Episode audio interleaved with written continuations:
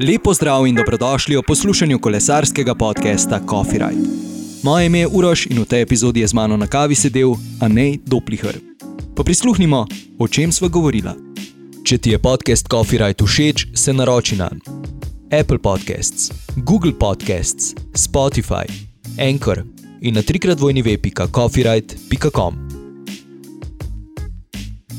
Takole, danes v moji družbi Anej Doplihr. Lepo zdrav, Anej. Živijo. Ena kratka predstavitev iz moje strani. Torej, si bivši motokrosist, pred tremi leti si se poškodoval, eh, od takrat dalje si v bistvu prikovan na voziček in si nekako spoznal ali pa se prelevil v cestnega kolesarja oziroma parakolesarja. Pa preden seveda nadaljujeva, mi povej, kako bi samega sebe predstavil, kako, bi, kako ti vidiš sebe, kako bi se predstavil nekomu, ki te sploh ne pozna. Ja, pred tremi leti, oziroma oktobra, bo tri leta, odkar sem na vozičku, odkar sem jaz zgodila nesreča na motocross dirki. Sebe bi predstavil kot športnika, eh, že prej sem bil zelo aktiven športnik v motocrossu, taki sem tudi sedaj, samo sem zamenjal šport. Eh, sem pozitivna oseba, nasmejana, eh, rad pomagam drugim športnikom, prijateljem, tako da odprta oseba, pripravljena pomagati. No. Super. Povej mi, je bližina Italije povezana tudi s tem, da imaš rad dobro kavo, si kavo ljubec, jo piješ, ne piješ? Ne, kave jaz ne pijem, probal sem, a nekako mi ne odgovarja. Sicer sem blizu Italije, ja, deset minut do meje imam, ampak nisem privržen kave. Ok, kakšno stvar potem najraje piješ? Ker sem na kolesu, Lizo star in drugače voda ali pa CD-vita. Ok, ok. Omenila sva že, da te kolesarstvo ne spremlja od samega začetka. Pa mi povej, kako je v bistvu sploh prišlo do tega, da si prišel do kolesarstva, namreč po tej uh, hudi poškodbi, si ne, sploh ne bi potreboval izbrati športa, pa si se nekako odločil za to. Ja, ko sem bil na rehabilitaciji na Uri Soča v Ljubljani, imaš v sklopu rehabilitacije vsak teden eh, predstavljen drugi šport. Seveda sem se udeležil predstavitve ročnega kolesarstva. Itak, že prej sem kolesaril za kondicijo pri motokrosu, da sem vzdrževal eh, preko tedna kondicijo, oziroma ko nisem bil na motorju.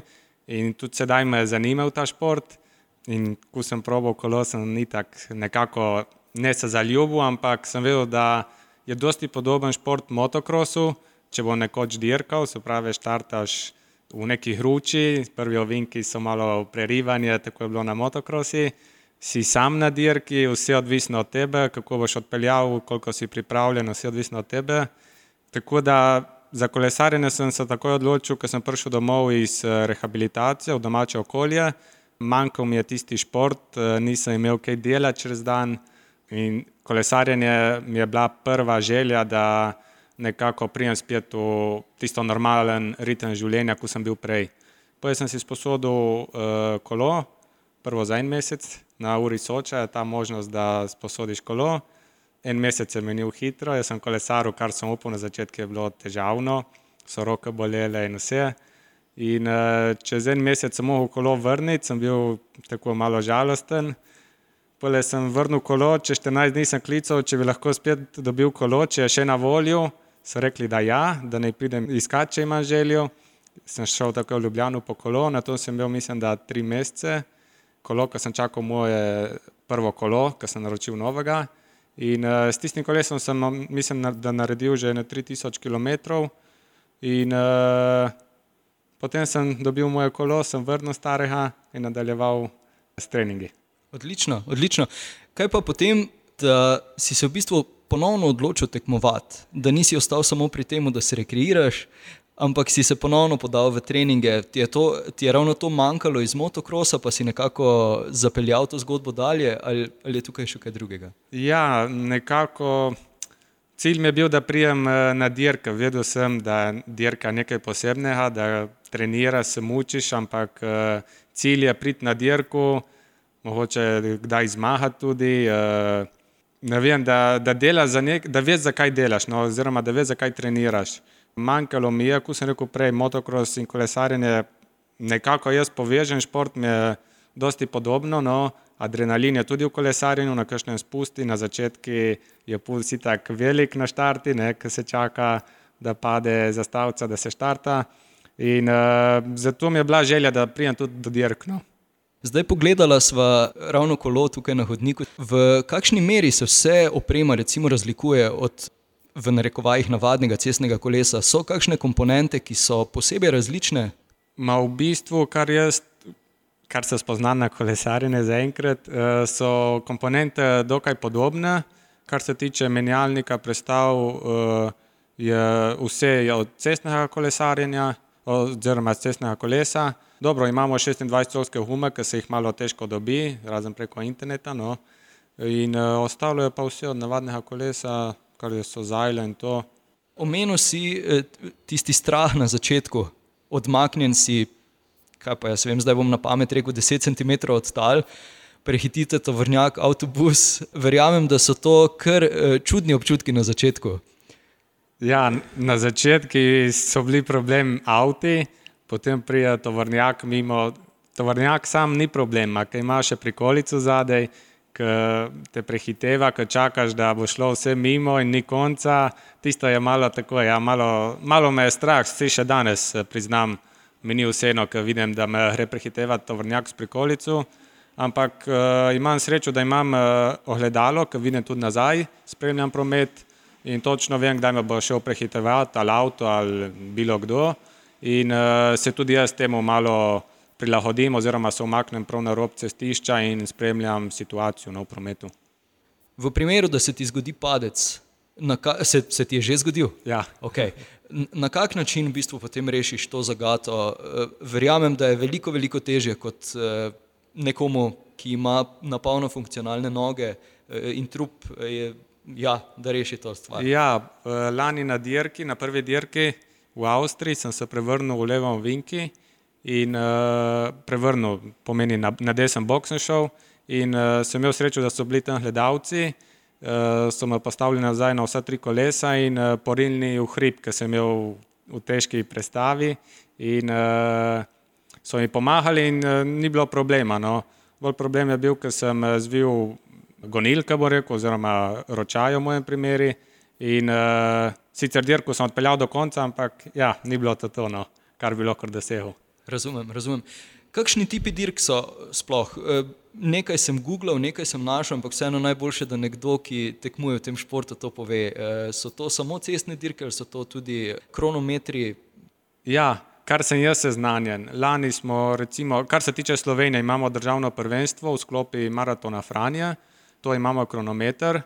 In uh, samo ena dirka v našem primeru, se pravi od BTC-ja do Domžali nazaj. Kar se tiče pa zunaj, uh, pride na dan, recimo, če za vikend dirka, pride sobota kronometer in nedelja cestna dirka. Eh, zdaj na svetovni je bilo pa, ker je seveda veliko tekmovanja, je bilo na dan četrtka kronometer malo daljši in dirka je bila na dan sobote. Tako da smo imeli čas in z organizacijo in regeneracijo in vse skupaj. No. Super. Različne so tudi kategorije.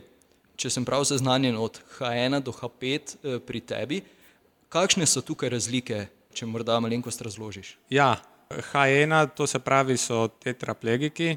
Uh, to pomeni, da jim roke ne delajo, oziroma jim delajo zelo malo. V tem primeru si dlani izvežejo na pedalke s trakom, ker nimajo prijema v dlaneh. Uh, potem H2 so že malo boljši, že dela kakšna mišica več na rokah, če lahko tako rečem. Uh, H3 sem jaz, recimo, uh, to so vse ležeča kolesa. H3 sem jaz, ki imam zdrave roke, popolnoma zdrave, no, s tem, da mi trebušne mišice ne delajo.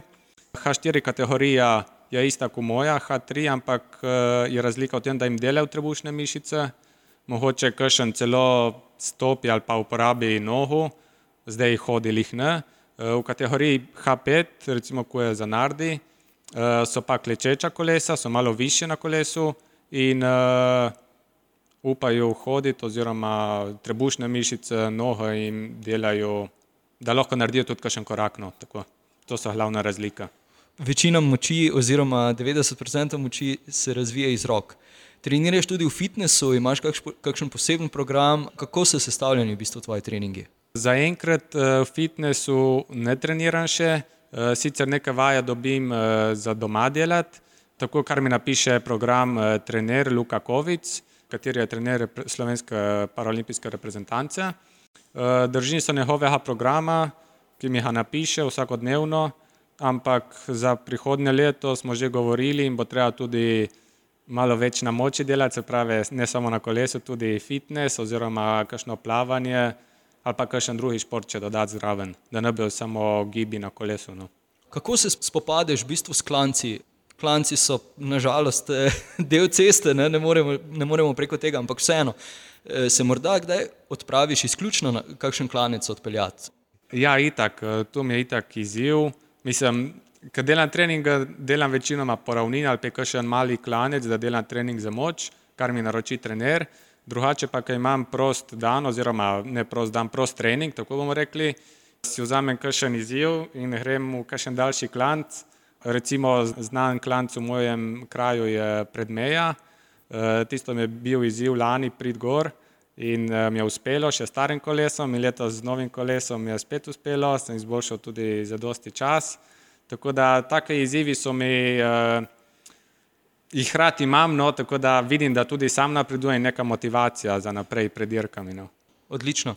Kako pa se, če primerjaš, recimo hitrosti kosajo oziroma primerjajo, primerjajo s cestnimi kolesarji, kakšno hitrost recimo razvijete ali pa povprečno hitrost, eh, da morda narediva nek oris poslušalcem?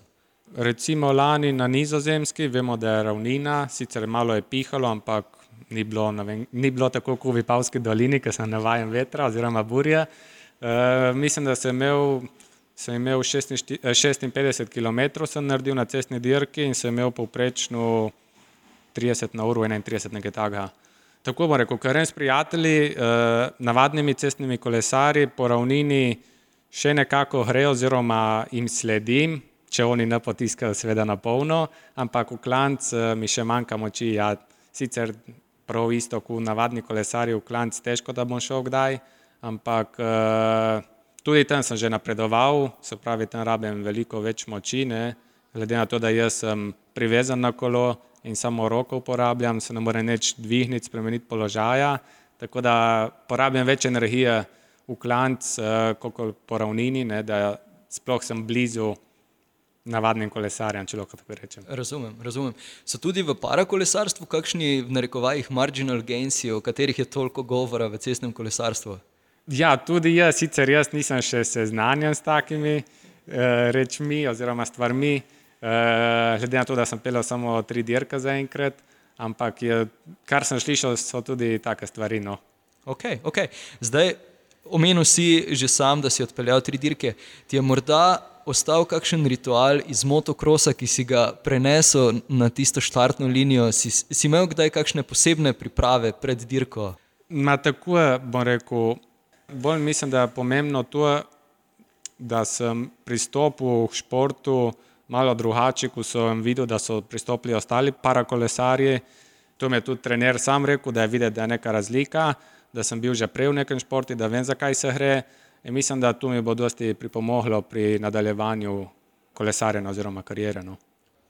Verjamem, da je bil tudi kakšen coffee ride vmes, eh, da si se kdaj ustavil na kavi. Ti je kakšna trasa posebej ostala v spominu ali pa jo imaš posebej zapisano, da se rad zapelješ po njej ali pa bi se še stokrat zapeljal po njej in ustavil na kavi? Ja, največkrat se odpravim v Italijo, eh, ne zato, ker se gre na kavo tja, ampak ne vem, v Italiji, takoj ko pridem čez mejo, te glavne ceste imajo še dodaten meter na desni strani voznega pasu in je bolj varno kolesarjenje, vsaj za mene, ker sem bolj nizko ne? in uh, se počutim bolj varnega v prometi in uh, tudi ravnina je, se pravi, so večje hitrosti. In ja, kadar na začetku so hodil recimo tam v Hradišku, to je 25 km od mene, tam je bil zmeren postanek, če sem bil s kom eh, na pijaču, jaz sem pil sok ali pa jedel rohliček, bomo rekli. In eh, pa je bila vrnitev domov, eh, zdaj upravljam to furo že brez, brez postanka. Recimo. In no, to furo največkrat prevozim, no, se pravi v Italijo in nazaj. Super. Tako, pri koncu sva. Še morda kakšen nasvet, kakšna misel iz tvoje strani poslušalcem, karkoli, kar pade na pamet. Ja, Jaz sem ostal športnik, eh, mislim da, je, mislim, da je šport v življenju zelo pomemben, oziroma vsaj jaz tako mislim. Športa se veliko naučiš, jaz sem se pri motokrosu, mislim, da dosti naučil, to bom pravil prenesti v kolesarjenje in uh, skozi šport bom gradil svoje življenje in pravil biti čim bolj uspešen. Ne, najlepša ti hvala za ta pogovor. Hvala tudi tebi. A ne, še enkrat najlepša hvala, da si vzel čas za kavico in pogovor. Mi se ponovno slišimo prihodnji petek. Če ti je podcast Coffee Right všeč, se naroči na Apple Podcasts, Google Podcasts, Spotify, Anchor in na trikrat vojni web.coffeeright.com.